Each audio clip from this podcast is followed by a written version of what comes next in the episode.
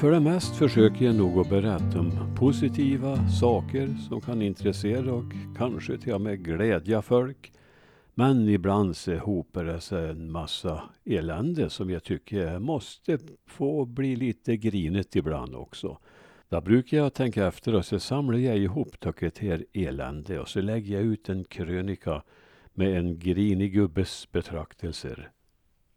Och det var just vad jag gjorde i Nya Värmlandstidningen den 22 december 2012. Och det var alltså två dagar före julafton satt jag och var lite grinet.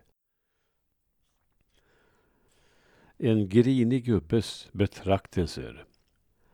En tillbakablick på det gångna året ger många positiva minnen och intryck. Men dessa må andra redogöra för.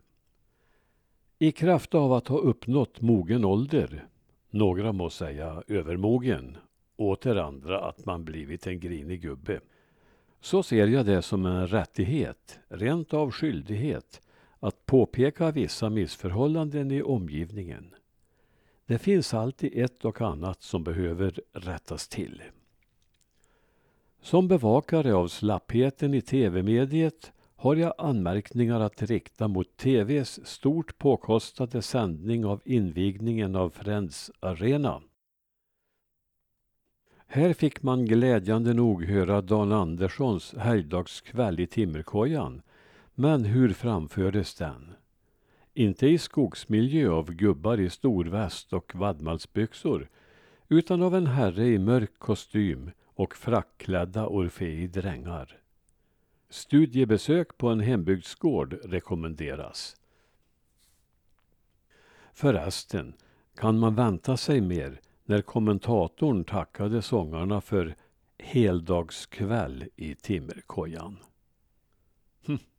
När Sven-Ingvars i samma program framförde Frödings Dans bort i vägen hade man gärna sett att scenografin anknöt till innehållet i sången. Men vad fick man se? Raggarbilar och dansande flickor i 50-talskjolar. Hade ingen lyssnat på innehållet i texten i förväg. Till det följande Sven-Ingvars potpurriet passade denna bakgrund, men knappast som illustration till Frödings fina dikt. Förresten, varför ger man en svensk nationalarena det engelska namnet Friends Arena? Och vart tog apostrofen vägen, den som annars brett ut sig så okontrollerat också i svenska genitiver? Här som den skulle ha passat, här fattades den. Eller är det ett pluraläs?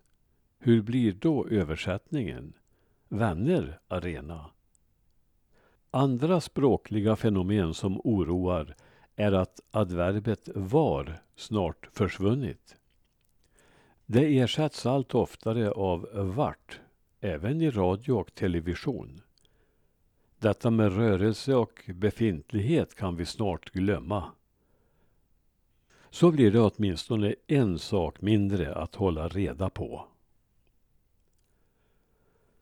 Måtte det bara inte färga av sig på verbformen var, så att vi får läsa för våra barnbarn att det vart en gång i sagoböckerna. Alla dessa särskrivningar ska vi bara inte tala om. Jo förresten, det ska vi. De har brett ut sig med en hastighet som inte ens Värmlandstrafiks tåg skulle uppnå om man så lade ner varenda station på Fryksdalsbanan.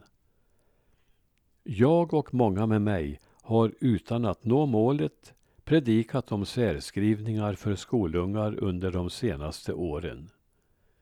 Tidigare behövdes det inte för då satt orden stadigt ihop och ingen skulle ha kommit på tanken att särskriva. Nu görs detta även långt upp i bildade kretsar och ingen vet varför. Jag har misstänkt engelskt inflytande men är inte så säker. Till min fasa har jag upptäckt att jag själv tassar till mellanslagstangenten ibland där det aldrig skulle ha förekommit tidigare. Jag blir strax medveten om missen och rättar till, men vänder mig om och ser efter att ingen har lagt märke till vad jag har gjort. Någon form av smitta via tangentbordet kan det vara och jag är rädd att den smittspridande organismen redan blivit resistent mot tillrättavisningar. Har ni förresten märkt att bokstaven Ö är på väg ut ur det svenska språket? I alla fall talspråket. Allt oftare hör man nyhetsuppläsare och andra prata om bunderna istället för bönderna och sunder istället för sönder. När vi nu kommit över på språkfrågor vill jag gärna tala om vad jag tycker om det nya ordet hen, men det gör jag inte. Även en grinig gubbe är mån om att använda anständiga ord, åtminstone i skrift. Jag hoppas detta var sista gången ni läsare såg ordet här ovan i tryck.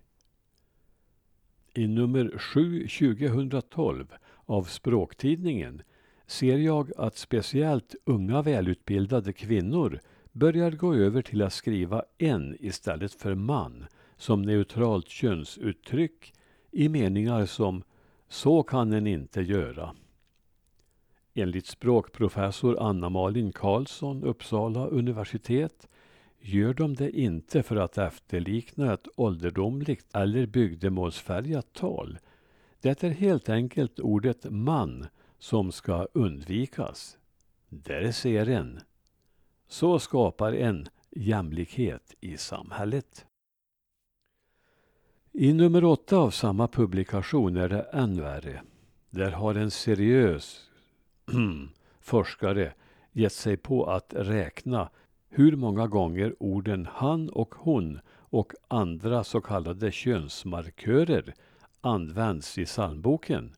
Och helt för illa är det att de manliga könsmarkörerna har högre status än de kvinnliga. Hur tänker man då? Hur skulle psalmdiktarna uttrycka sig för att få till en feminin varelse som står över Gud? eller Jesus. Vem i bibliska historien skulle det vara? Eller kanske det är dags att skriva om själva bibeln och byta kön på Gud och på Jesus. Här dras det viktiga jämlikhetssträvandet ner på en löjeväckande nivå.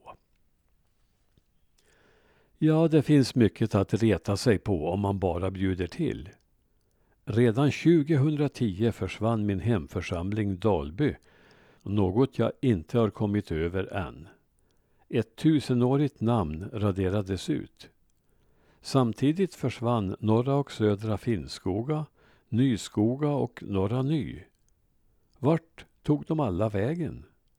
Jo, de bakades samman till en opersonlig enhet som blev kallad Övre Älvdals församling. Härtill kommer planerade ändringar av folkbokföringen. Till detta finns anledning att återkomma. Nästan skrattretande är att namnet Dalby idag bara finns, men felaktigt, på vägskyltarna i Långav som byn egentligen heter. Bara därför att Dalby kyrka finns där. Namnet Dalby används också felaktigt i en skrift från kommunen. Inte bra. Slutligen, skolan igen. Jag lovade i en krönika i somras att jag hade avslutat skoldebatten, men jag ljög uppenbarligen, för här kommer lite till.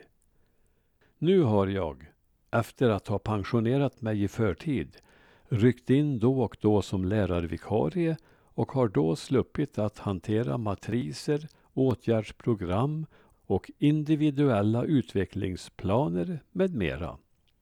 Jag har fått undervisa. Däremot ser jag ofta mina gamla kollegor, då de inte har vakt, sitta lutade över sina datorer på rasterna, fullt sysselsatta med Unikum, Dexter och skriftliga bedömningar. Att de skulle ha tid att titta upp och tala med mig om pedagogiska spörsmål är inte att tänka på. Så som vi gjorde förr. På 70 och 80-talen. Vore jag utbildningsminister skulle jag pensionera alla Sveriges lärare och låta dem komma tillbaka som vikarier. Då skulle de få arbetsglädjen åter. För övrigt anser jag att det nya länsindelningsförslaget tar Värmland 233 år tillbaka i tiden, faktiskt till tiden före franska revolutionen. Om nu det ska kallas framsteg. God jul och gott nytt år önskar jag alla lärare, alla elever och förresten alla er andra. Värre grinig är jag inte.